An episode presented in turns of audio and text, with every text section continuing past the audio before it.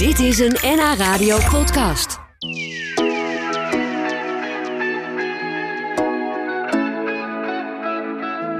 En 2022 was een droomjaar voor archeologen, denk ik. Garnalenvissers visten een eeuwenoud houten beeld op en doopten een barry.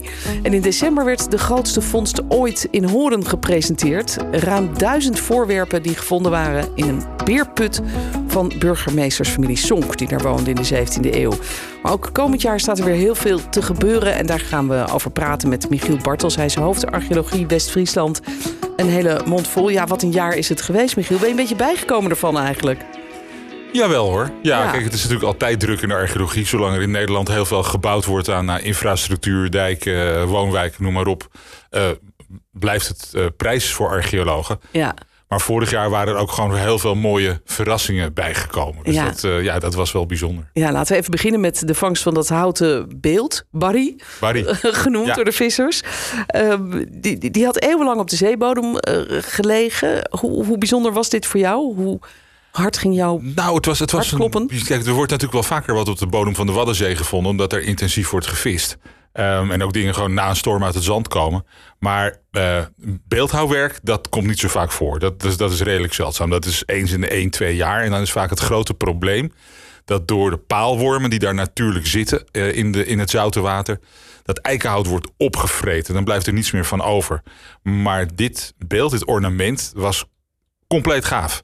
En dat gebeurt heel zelden. Ja, hoe, hoe spannend was dat voor jou toen je dat hoorde? Want het kwam eigenlijk via Twitter naar buiten. hè? Een van die vissers die heeft een eh, Twitter-account. Klopt, ja. Kreeg ja. er gelijk 100.000 volgers bij, geloof ik. Ja, zoiets. Ja, ze waren enorm eh, geschrokken van hun succes. Eh, ja, die, die vissers, hoe doen ze dat? Ze hebben een groot sleepnet. Dat gaat 11 kilometer over de bodem van de Waddenzee tegen de stroom in van zeg Den Oever richting Texel. En het net werd geleegd en daar komt natuurlijk garnalen uit, maar ook dit beeld. En ze maakten het schoon met de spuiten. Ja, het keek ze aan. En het was ook een bijzondere kop, een hele stoere kop met grote snor en groot baard. Eh, ja, en dat hebben ze op Twitter gezet. En omdat we natuurlijk altijd overal eh, collega's en kennis hebben, ook bij de vissers, kwam het heel snel bij mij op mijn WhatsApp. Ja, en dan moet je handelen als archeoloog. Want zo'n beeld wat uit het zand komt, uit het koude water, in de warme augustusdag, eh, ja, dat gaat, dat gaat meteen rotten. Dus ze hebben het in een grote emmer gestopt. En eh, nou ja, de journalisten die inmiddels hadden gebeld, die dachten van nou, s'avonds zijn ze wel weer thuis. Nee, vissers die vissen gewoon door. De hele week. De hele week op zee. Ja. En toen ze donderdagmiddag aanmeerden, ja, toen konden we hem eindelijk zien. Ja, en hoe was dat? Nou, eh, een- perscircus mag je wel zeggen. We hadden ehm, eh, elf filmploegen op de kade in Den Oever staan. Dat, zoveel had ik er nog nooit meegemaakt. En nog wat, eh, wat schrijvende pers. En we hadden een eh, kerstverse wethouder in Hollands Kroon... die eh, de portefeuille erfgoed had. Die was heel blij. En ja, we hebben dat allemaal redelijk weten te organiseren ad hoc... zodat alle pers eh, kon doen wat ze moesten doen. Ja, maar jij kreeg hem toen dus ook voor het eerst te zien, deze Barry. Klopt. Je keek hem in zijn ogen. En wa- wa- wat dacht je toen? Nou, je kijkt gewoon heel ver terug eh, on- onze maritieme geschiedenis in. Hè. Er is natuurlijk Nederland voer alle wereldzeeën af. En die schepen die waren gedecoreerd met, met beelden die indruk moesten maken op, op de, de, de, de andere landen. En dan ja, dan, dan zet je niet een, een lief konijntje op de achter, maar je zet gewoon een stoere vent. Nou, En, en het bijzondere was natuurlijk dat hij, eh, dat hij hele gekke muts op had. En dat is een beetje ook eh, ehm, ja, de grote vraag van wat stelt dat nou voor? En, en een van de collega's van het Rijksmuseum die zei... ja, dat is een Frigische muts. Hè. Die zien we eh, bij de Franse revolutie ook optreden. En dat is een symbool voor vrijheid. En dit beeld stamt uit de 17e eeuw. Dus toen we in oorlog waren met Spanje en Engeland en Frankrijk, noem maar op. Eh, en die vrijheidszin van de republiek in die tijd wordt eigenlijk gesymboliseerd door die hoed. wat Maar goed, het laatste Ja. woord kunsthistorisch is er nog niet over gezegd. Nee, Daar zijn we niet mee bezig. Ja, er, er wordt nog onderzoek gedaan, maar waar is Barry nu eigenlijk? Nou, Barry is nu eh, ijskoud opgeborgen in Zaandam. Die zit in een vriesdroogapparaat. In een Ehm, vriesdroog In een apparaat? vriesdroogapparaat. Ja, wat er gebeurd is, hè, dat, dat eikenhout, dat heeft natuurlijk van nature een klein beetje water. Maar hij heeft meer dan 400 jaar op de bodem van de zee gelegen. Dus is volgezogen met zout zeewater. Als je hem nu in de open lucht zou zetten, dan eh, rot hij weg. Eh, dus met vriesdrogen zorg je dat het water eruit gaat. En dat hij daarna stabiel wordt. En wanneer die uit de vriesdroogmachine komt, dat weet ik niet. Dat, dat, eh, ja, als hij klaar is. Maar daar ligt hij dus al maanden. Daar ligt hij, ja, nu eventjes. En dat, dat kan nog een paar weken of een paar maanden duren. En, eh, maar daarna is het ook oké. Dan is hij wel iets gekrompen. Oh ja. En dan, eh, ja, want het- als je als het volzuigt met water wordt het natuurlijk groter. Maar dan krimpt hij iets en dan kunnen we hem tentoonstellen. Ah, dan hoeft hij niet de rest van zijn leven in de vries te drogen. Nee, nee, nee, dan gaat hij gewoon weer uit. Oh. En wie betaalt dit eigenlijk allemaal? Want die, die, die vissers die dat beeld hebben opgevist, die zijn toch officieel de, de eigenaars, toch? Of, of werkt Dat dat, klopt, niet die zijn de eigenaars en die hebben hem aan onze dienst in bruikleen gegeven. En wij, hebben de, de, wij draaien daarvoor de kosten op. En dat doen we gewoon eh, ja, zeg maar van de grote hoop. En ja, uit, uit eh, liefde voor het erfgoed. Want we willen natuurlijk heel graag dat eh, straks iedereen... eh, en zeker op Wieringen van dat beeld kan genieten. Dus we zoeken een plekje op Wieringen om hem neer te zetten. Ja, dat was ook de intentie van die visser. Hè? Eh, de- de- dat, het beeld echt voor iedereen zichtbaar zou zijn. Hij was niet van plan om hem eh, bij zijn eigen in zijn Nou, woonkamer te schouw. Nee, nee, nee. Dat, Ja. Heb je eigenlijk nog contact met, met hem? Met Victor heet hij, hè? Nee, niet met Victor, maar wel met de kapitein van de boot. Die, die is zeg maar hoofdeigenaar. Eh, en ja, we appen af en toe van hoe het gaat. Maar er is op dit moment eigenlijk niet zoveel te melden. Omdat het vriesdrogen een traag proces is. Dat moet ook traag verlopen. Ja. Ja. Ben je wel eens wezen kijken bij dat, eh bij dat vriesdroogproces? Hoe dat gaat met die body? N- Nee, nog niet. Mijn collega woont er om de hoek en die is wezen kijken. En het gaat goed met Barry. Ja? Goed Ja. zo. Ja, ik, heb, ik probeer me daar even een voorstelling van te maken. Hoe, de- hoe dat eruit ziet. Maar het is misschien een soort, gewoon een soort diep, diepvrieskist. Waar Het die... is gewoon een soort oven. Alleen dan een Een oven. ijskoude oven met een deur ervoor. En wat metertjes erop. Die meten de vochtigheid en de temperatuur. Ja, ja, ja. Nou, Barry ligt dus in de, de vriesdroog. Nog een paar maanden misschien wel. Of Kijk, ze meten het steeds. En als het moment daar is, komt hij eruit. En Ja. dat is eigenlijk slecht te voorspellen. ja, en dan komt hij, eh, komt hij ergens waar hij. eh, Ja, de bedoeling is dat hij op de allemaal. in de haven van eh, Den Hoever komt. Dat is Ja. een heel mooi gebouwtje waar de oude vissers bij elkaar komen. En daar willen we een vitrine maken en dan kan hij daarin. Jeetje. Ja. Nou, heel bijzonder dus eh, zo'n vondst van, eh, van die Barry. Ja. Goeie naam ook wel, hè? Ja, die hebben die vissers zelf bedacht. Ja. En iedereen weet meteen waar je het over hebt. Dat ja, scheelt. het houten beeld Barry. Nou, straks eh, praten we nog even verder, Michiel. Want er was nog een vondst. Daar gaan we het over hebben, van die beerput in Horen. En daar komt ook nog het een en ander aan. Dus je bent nog niet klaar. We hebben nog boel te doen. Ik praat nog even verder met Michiel Bartels. Hij is hoofd archeologische dienst West-Friesland. We hadden het net al even over de vangst van dat eeuwenoude beeld, Buddy. Die ligt nog even in de vriesdroger. Dus daar horen we ongetwijfeld op een later moment weer meer over. Maar er gebeurde eh, nog veel meer het afgelopen jaar. Want in december hebben jullie nog een heel bijzondere vondst gepresenteerd. Die jullie al eerder hadden gedaan. Van een oude beerput in Horen. We belden jou daar laatst al even kort over. In december, toen jullie dat eh, net hadden gepresenteerd. Eh, maar vertel nog even over die beerput. Wat, wat dat voor een vondst was. Nou, de, de mensen in Horen kunnen zich de lage V&D nog wel herinneren. Een soort noodgebouw eh, aan de Nieuwe Noord, het Hartjescentrum. Dat eh, was gebouwd in de jaren 60. Eh, daarvoor zijn allemaal gebouwtjes gesloopt. Maar nu ging dit gebouw weg voor nieuwbouw. We hebben het hele terrein onderzocht. En op een van de allerlaatste dagen kwamen we een hele grote eh, gemetselde goot tegen. Waar boven stilletjes hadden gestaan. Dus zeg maar eh, poepdozen. En daar eh, heeft de familie die aan de straat woonde, aan de ramen...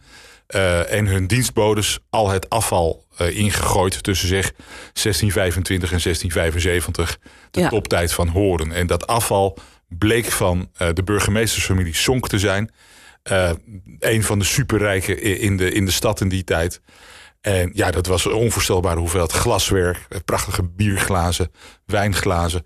Maar ook eh, keramiek, Chinees porselein, noem maar op, de kust en te keur. Ah, bijzonder ja. Maar waarom lag dat dan in die beerput? Begrijp ik niet. Hadden ze dat erin ge- gegooid? Of was dat gewoon later... Ja, hoe, hoe is dat Nou, daar terecht gekomen? Iedereen had een beerput. Er was nog geen georganiseerde vuilnisophaal, vuilniszak of dat soort dingen. Je, kieperde op, je maakte op het achtererf een kuil of een, je metselde, liet een put metselen.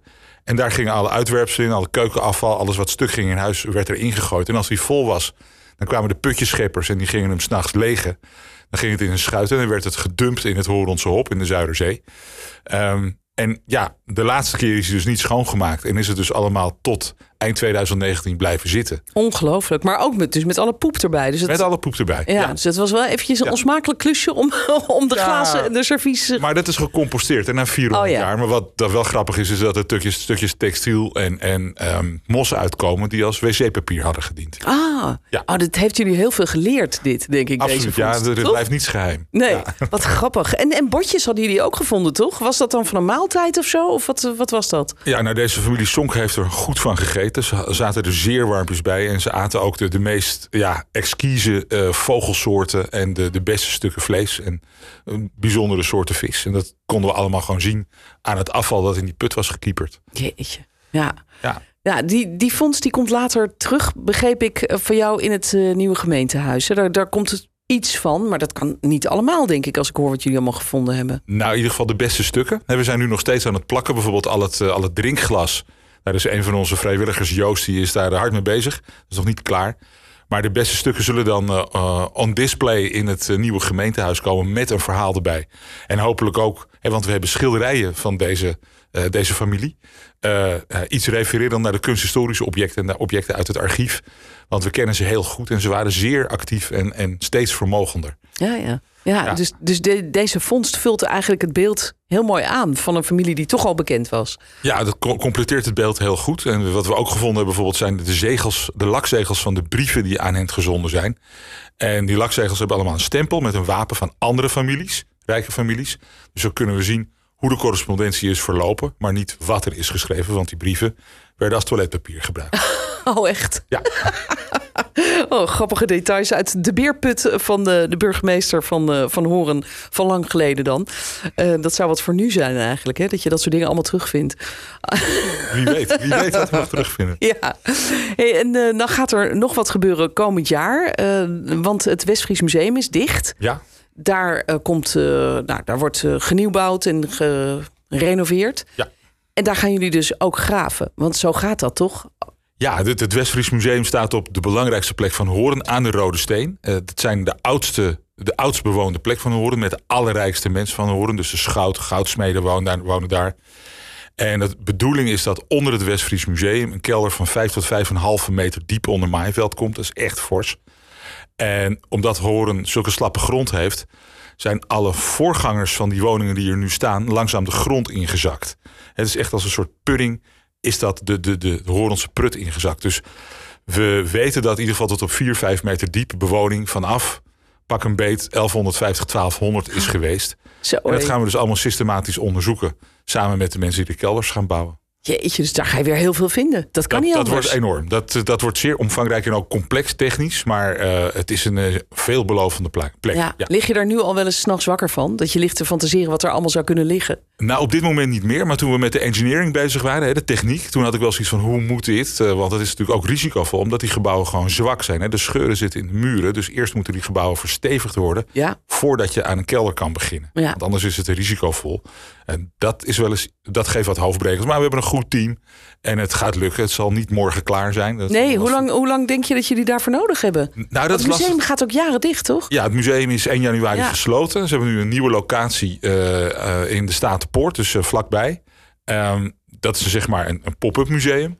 Uh, maar hoe lang het dicht is, dat is niet te zeggen. We zeggen nu 2,5 jaar als alles mee zit. En misschien wordt het langer. Ja, nou genoeg te doen dus. Uh, en daar hebben we eigenlijk niet heel veel tijd meer voor. Maar jullie gaan ook nog wat doen met de slag op de Zuiderzee. Want die is dit jaar 450 jaar, jaar geleden. geleden. Klopt, ja. Dat is natuurlijk ook Op uh, 11 oktober 1573 uh, versloeg een West-Friese vloot voor de kust van Horen de enorme Spaanse Amsterdamse vloot. Dat was de Rooms-Katholieke Amsterdammers en Spanjaarden tegen de mannen van Willem van Oranje, de protestanten. En David tegen Goliath, uh, door een krijgslist hebben de geuzen, de watergeuzen met uh, de West-Friese daarbij dat gewonnen. Ja, en anders hadden we nu Spaans gesproken. Absoluut. Hola. Ja, ja, ja, ja. En dan was Alkmaar ook een Spaanse stad geweest en Horen en Enkhuizen ook. Dus ja. uh, daar gaan we een boel aan doen. Okay. Maritiem onderzoek, historisch onderzoek, er komt een groot boek uit. En we gaan het natuurlijk het allerbelangrijkste met de bevolking van West-Friesland en Horen vieren in oktober. Heel mooi. We gaan jou vast daar nog wel over spreken, ergens dit jaar. Michiel Bartels, fijn dat je er was en heel veel succes. Dankjewel. Dit was een NH Radio podcast. Voor meer, ga naar nhradio.nl NH Radio